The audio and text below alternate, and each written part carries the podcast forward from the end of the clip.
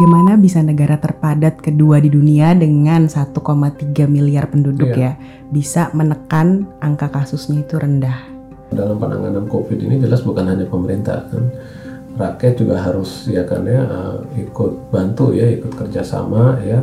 Saya rasa mungkin berhubungan juga dengan pola makan ya. Kalau di sana kan banyak makanan yang kalau bisa dibilang kayak spicy ya. Karena kan lebih banyak minum eh, lebih air hangat spicy atau ada yang bilang juga garlic juga bisa melindungi ya memang pola makan di sana kan seperti itu Iya. dan eh, mungkin ada peranan ras juga tidak tahu ya Kurang menyeramkan gimana lagi, tapi virus ini masih sering dijadiin bahan bercandaan dan diremehkan. Iya. Ya. Artinya eh, kalau dilihat eh, sudah termasuk pandemi, namun masih ada aja ya yang membuat misalnya lelucon atau apa masalah virus corona. Barang Witresni hanya di podcastin aja. Dan kita lanjut tadi oke, coronavirus ini sendiri kita tahu awalnya infeksi zoonotik. Kita taunya kayak gitu ya, artinya transmisi dari hewan ke manusia dan juga merupakan RNA virus yang artinya bersirkulasi di hewan. Namun kabar yang terakhir saya dapatkan bahwa penyebaran yang awalnya berasal dari hewan di kota Wuhan itu adalah hoax. Virus ini bukan jenis zoonosis dan transmisi yang terjadi berlaku kebalikannya dok. Artinya dari manusia yang justru menularkan ke hewan. Valid nggak dok? Nah itu yang hoax. Oh, Ya, Nah itu justru yang hoax ya. Kalau saat ini ya Iya. dari kepustakaan yang ada ya yang menularkan itu ya justru dari hewan. Hewan. ya kalau yang saat ini kan eh, kelelawar ya dianggap ya dan ada satu binatang lagi mohon maaf saya lupa ya jadi ya transmisinya dari hewan ke manusia Oke. Nah, transmisi awal Oh my god, informasi ya. nah, kita eh, gimana dengan super spreader, Dok? Super spreader itu kan kabarnya di negara sana ada yang sampai menularkan ke 14 staf di rumah sakit. Bener-bener ada nggak sih, Dok, super spreader ini? kalau istilah yang saat ini dikenal eh, bukan super spreader mungkin asymptomatic carrier ya asymptomatic carrier eh, jadi eh, dia memang si eh, seseorang itu memang sudah terinfeksi ya kuman covid namun karena kekebalan tubuh ya belum memberikan gejala eh, dia yang bisa menyebarkan ke mungkin staff atau keluarga gitu ya jadi bukan super spreader sih mungkin yang istilah yang dikenal di kedokteran ya asymptomatic carrier. Hmm. Nah, pembawa kuman tanpa adanya gejala Carrier, tanpa ya. memberikan gejala ya Atau mungkin gejalanya minim ya, tetap ada tapi minim ya gitu. minim Nah, dia merasa tidak sakit ya atau yang di teman lain lihat tidak sakit tidak lakukan swab tidak dievaluasi justru itu yang akan menularkan kepada keluarga atau staf yang lain Hmm. Eh, lalu ODP ini kan yang katanya tidak punya pneumonia ya, Dok ya. Sedangkan PDP ini yang harusnya diisolasi. ya Cuman tergantung kasus per kasus ya dok ya, Iya. butuh isolasi atau enggaknya ya itu balik lagi ke dokter evaluasi tim dokter seperti itu. Nah, kapan kita kapan eh, dokter tahu ODP ini akan berjenjang ke PDP, ke suspek, ke positif atau bahkan bisa sembuh? Maksudnya ada nggak sih yang buat bahan kita nih kira-kira? Iya. Heeh. Eh, ODP yang diisolasikan saat ini peraturan yang berlaku ya nanti akan dikasih kontak ya karena kontak person ya dari Kemkes atau misalnya kontak person dari Dinkes. Jadi isolasikan di rumah bukan artinya dilepas ya tetap harus eh, melapor ya apabila ada gejala perburukan ya misalnya demam makin tinggi sesak nafas ya nah itu harus langsung lapor untuk kemudian eh, dirawat di rumah sakit terdekat atau bahkan kalau bisa langsung aja datang ke rumah sakit ya kan ya rujukan ya. Eh, di sana nanti baru mungkin statusnya yang dari ODP bisa berubah menjadi PDP Oh. Dan maksudnya nggak ada nggak ada apa garantinya gitu ya. Kalau si misalnya nih si ODP ini isolasi di apa eh, isolasikan diri di rumah aja ya, tapi kamu harus melakukan ini ini ini dan maka kamu nanti akan sembuh gitu. Atau jika kamu tidak begini, maka Nah, kamu iya. nanti akan semakin parah misalnya gitu.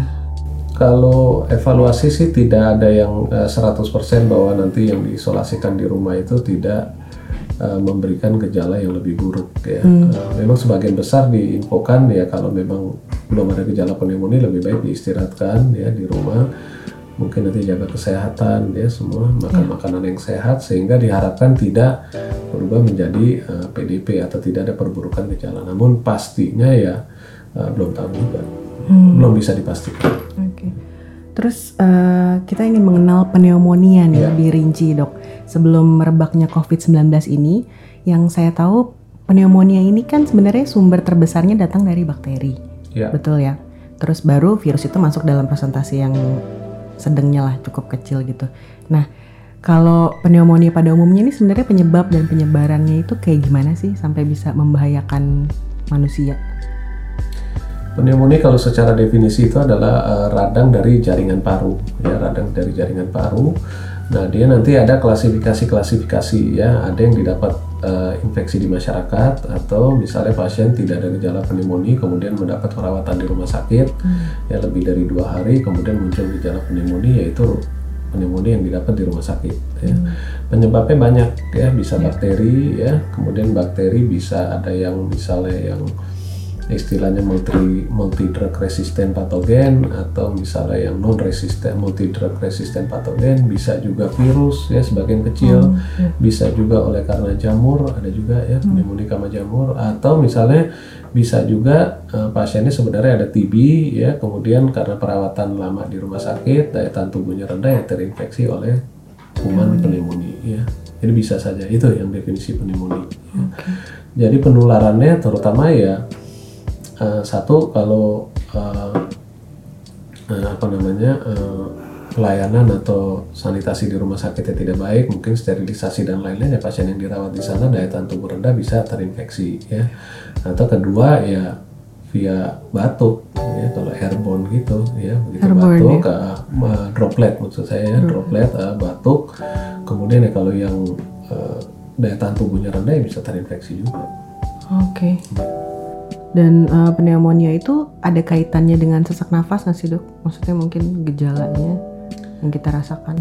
Iya, kalau untuk kriteria pneumonia eh, ada yang eh, langsung memberikan keluhan sesak nafas ya. Kalau misalnya eh, mungkin kasusnya yang sudah berat ya, Nah, kasusnya sudah berat atau memang pada populasi yang eh, imunokompromis yang daya tahan tubuhnya lebih rendah, misalnya usia lanjut ya atau pasiennya memang ada penyakit uh, komorbid lain mungkin apakah dia ada diabetes ya sehingga sel-selnya uh, juga fungsinya sudah tidak begitu baik ya. Nah itu bisa nanti perburukan ya menim- menimbulkan gejala sesak nafas. Namun pada umumnya ya biasanya demam batuk ya atau ada kalau ada uh, komplikasi karena infeksi pneumonia ada cairan ya bisa juga nyeri dada ya nyeri dada kanan atau kiri tergantung lokasi cairan Berarti nggak ada salahnya kalau merasakan salah satu dari apa gejala di situ dia yang dokter sebutkan tadi periksakan diri ya dok. Iya, harus evaluasi uh, lebih lanjut nih ya, dicari tahu karena bisa aja uh, keluhan nyeri dada itu kan atau batuk nggak spesifik pneumonia, bisa aja ada hal-hal lain yang perlu dievaluasi. ya. Oke. Oke dok kalau gitu dan eh, kalau perkiraan nih perkiraan puncak coronavirus itu katanya pada bulan puasa yang bisa mencapai sampai 4000 infeksi setiap harinya. Itu menurut dokter berlaku kondisional atau kayak gimana dok? Kalau saat ini masih belum bisa dikonfirmasi karena kan ini uh, infeksi baru terjadi 2019 ya. Uh, belum tahu juga nanti ya kan ya perkembangan yang pada bulan puasa ini akan terjadi seperti apa. Jadi saat ini ya uh, saya belum bisa kasih komentar. Tapi sebenarnya hitung-hitungan itu dari mana ya datangnya dok?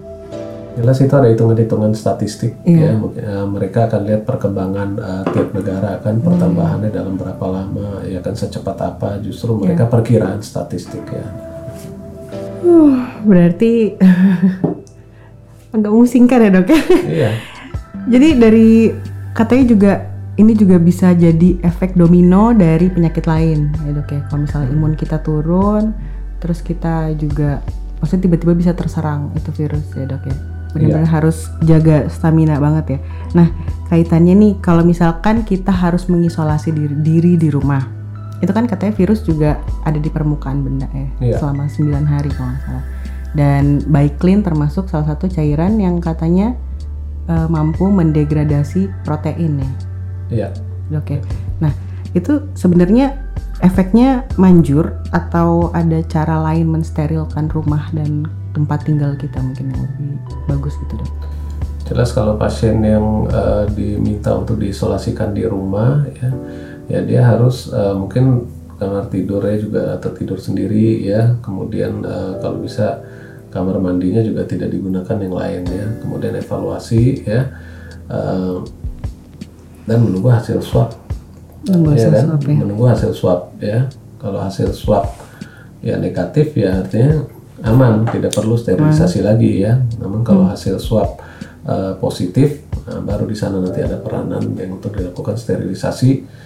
Ya ada banyak jenis sih sterilisasi ya. Ada yang menggunakan klor ya Eh, bahkan ada yang menggunakan yang terbaru eh, ada eh, jenis lain juga jadi begitu disemprotkan di dinding tidak perlu dibersihkan ya kan dan Hmm. lain-lain gitu Tapi kandungannya masih sodium hipoklorit atau yang lain? Eh, masih sama Masih sama. Eh, yang i- sodium hipoklorit ya yang klor ya. Ini ada yang beda lagi ya. Iya. oh, ada lagi Iya. yang beda. Nah, Oke, tapi chemical juga pastinya. chemical juga.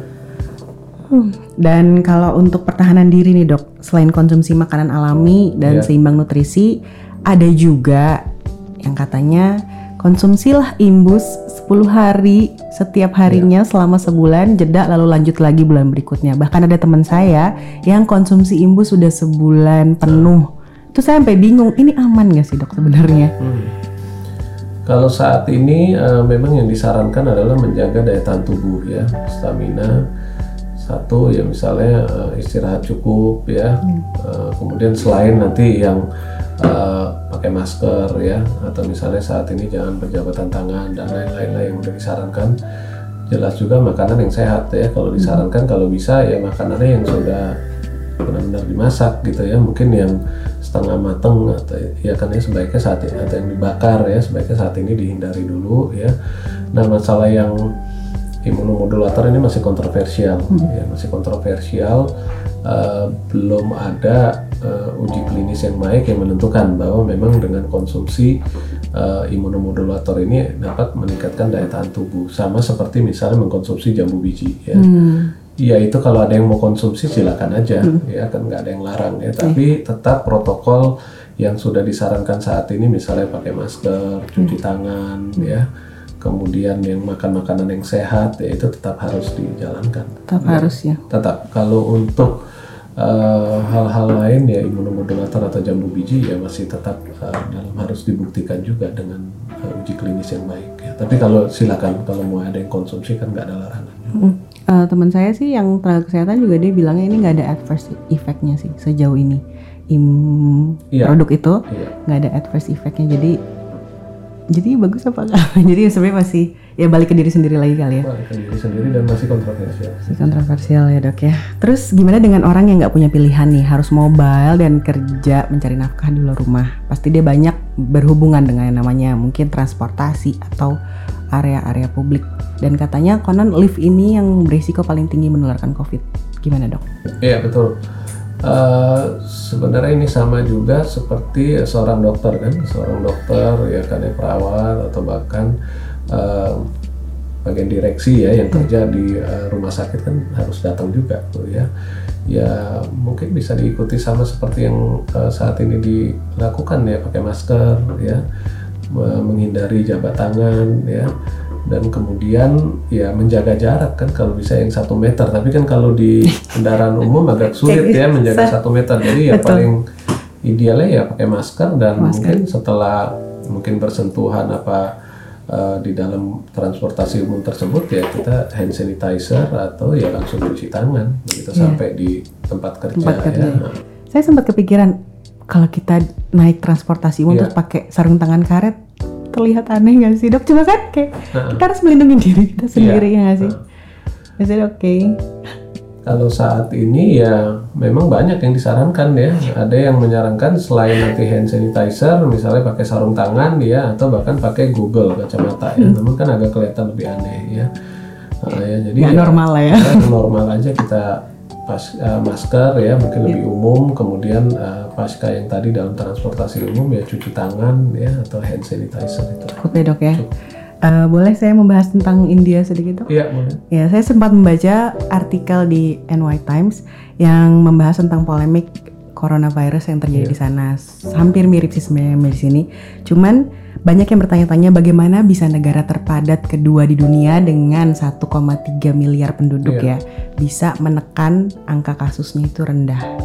Apakah peran pemerintah sangat utama di sana atau ada faktor yang lainnya dok kalau menurut pandangan dokter sendiri? Ya, jadi kalau yang saya bisa uh, sedikit komentar ya satu uh, dalam penanganan COVID ini jelas bukan hanya pemerintah kan, rakyat juga harus ya kan ya uh, ikut bantu ya, ikut kerjasama ya, terutama dalam tadi yang pakai masker, hand sanitizer ya, cuci tangan gitu ya, jadi perlu peranan publik.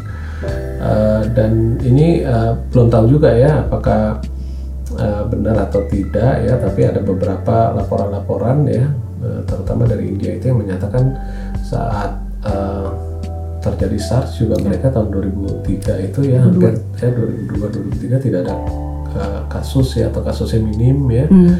Kemudian saat MERS-CoV juga kasusnya uh, minim ya. Saat ini juga kalau dilihat di sana itu kasus untuk kejadian SARS ya bahkan kematian ya uh, yang saya baca sih mereka masih 0% ya. Saya rasa mungkin berhubungan juga dengan pola makan ya apakah dikatakan uh, kalau di sana kan banyak makanan yang kalau bisa dibilang kayak spicy ya, lebih Oke. spicy ya. Kemudian uh, kan disarankan juga kalau bisa misalnya minum air hangat apa ya di sana kan lebih banyak minum uh, air hangat, spicy atau ada yang bilang juga garlic juga bisa melindungi ya. Memang pola makan di sana kan seperti itu. Iya. Apakah ada faktor itu yang berperan ya? Nggak tahu juga. Tapi kenyataannya kalau dilihat kan SARS sedikit, MERS-CoV dan eh, mungkin ada peranan ras juga tidak tahu ya. Hmm. Iya sih dok. Banyak faktor lah Banyak sebenarnya ya. faktor ya. Betul betul. Nah untuk beberapa pertanyaan di bawah ini dokter Iya. bisa menjawabnya dengan ya atau tidak. Bisa juga dokter tambahkan penjelasan. Tes negatif belum tentu negatif. Harus sampai berkali-kali bahkan ada yang sampai tujuh kali tes baru ketahuan positif. Saat ini cukup eh, dua kali untuk menyatakan bahwa seseorang itu negatif ya kan atau kalau positif sekali. Oke. Tingkat kesembuhannya memang tinggi, namun setelah sembuh pun masih ada kemungkinan bisa positif.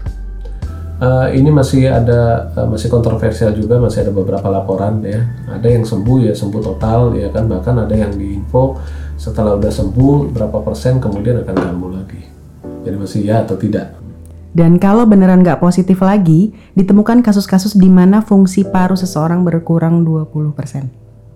Hmm, ini juga masih ada beberapa laporan ya beberapa laporan eh, kasus ya pasien-pasien yang telah terinfeksi eh, COVID eh, terutama laporan dari Wuhan ya yang terutama pasien yang meninggal mereka setelah otopsi mereka lihat jaringan parunya udah nggak baik ya diganti oleh jaringan paru Ya, itu masih eh, bentuk laporan sih belum eh, tidak semua seperti itu Ya, semua. COVID-19 nggak pandang bulu, miskin, kaya, VIP, jelata, laki, perempuan, tua, muda, hingga balita bisa terkena semua. Iya Dapat hidup di benda mati? iya Inkubasinya 14 hari, namun ada berpendapat udah nambah jadi 24 bahkan 37 hari dok. saat ini masih dipakai 14 hari 14 hari ya. Ada kasus binatang yang terkena corona. Hmm, belum masih yang terinfo baru yang saat ini dipastikan ya kelelawar Obat flu, HIV, jambu biji, kurkumin ampuh sebagai obat coronavirus. Eh, dikatakan ampuh bisa oleh karena pada beberapa negara ya atau di beberapa negara itu saat ini ya mereka sedang eh, mentreat ya beberapa pasien itu. Ya kalau baca di eh, internet gitu ya dengan obat-obat eh, antiviral ya. Kemudian ada juga misalnya dengan obat anti malaria. Namun eh, pastinya yang ini masih dalam tahap uji coba belum bisa dipastikan dan lebih baik acuannya itu negara sendiri ya. iya Betul ya dok ya? betul Iya. Sinar matahari cukup, apakah sudah terbukti secara klinis untuk mencegah virus ini? Hmm, saya rasa sih mencegah enggak ya mencegah saat ini ya masih yang itu yang masih disarankan eh, masker kemudian cuci tangan eh, jaga kebersihan aja Tapi tidak ada salahnya dilakukan. tidak ada salahnya kalau itu dilakukan Kurang menyeramkan gimana lagi, tapi virus ini masih sering dijadiin bahan bercandaan dan diremehkan dok. iya Ya. Iya, artinya eh, kalau dilihat eh, sudah termasuk pandemi namun masih ada aja ya yang membuat misalnya lelucon atau apa masalah eh, virus corona ini Terutama emang masyarakat-masyarakat yang tidak teredukasi dengan baik. Iya, ya, dok, betul. ya. Oke, kalau gitu mungkin ada terakhir pesan dari dokter Gurmit buat teman-teman di luar sana. Eh, saran saya ya kita eh, tidak perlu terlalu panik ya eh, hadapi eh, pandemi yang saat ini sedang terjadi ya.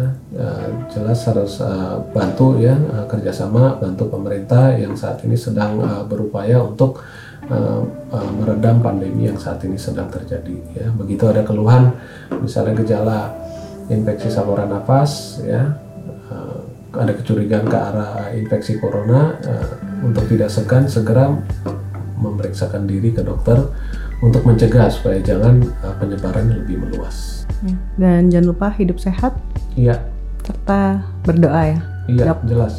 Ya. Baiklah kalau gitu sampai jumpa di podcastin aja episode selanjutnya. Wita pamit. Barang Witness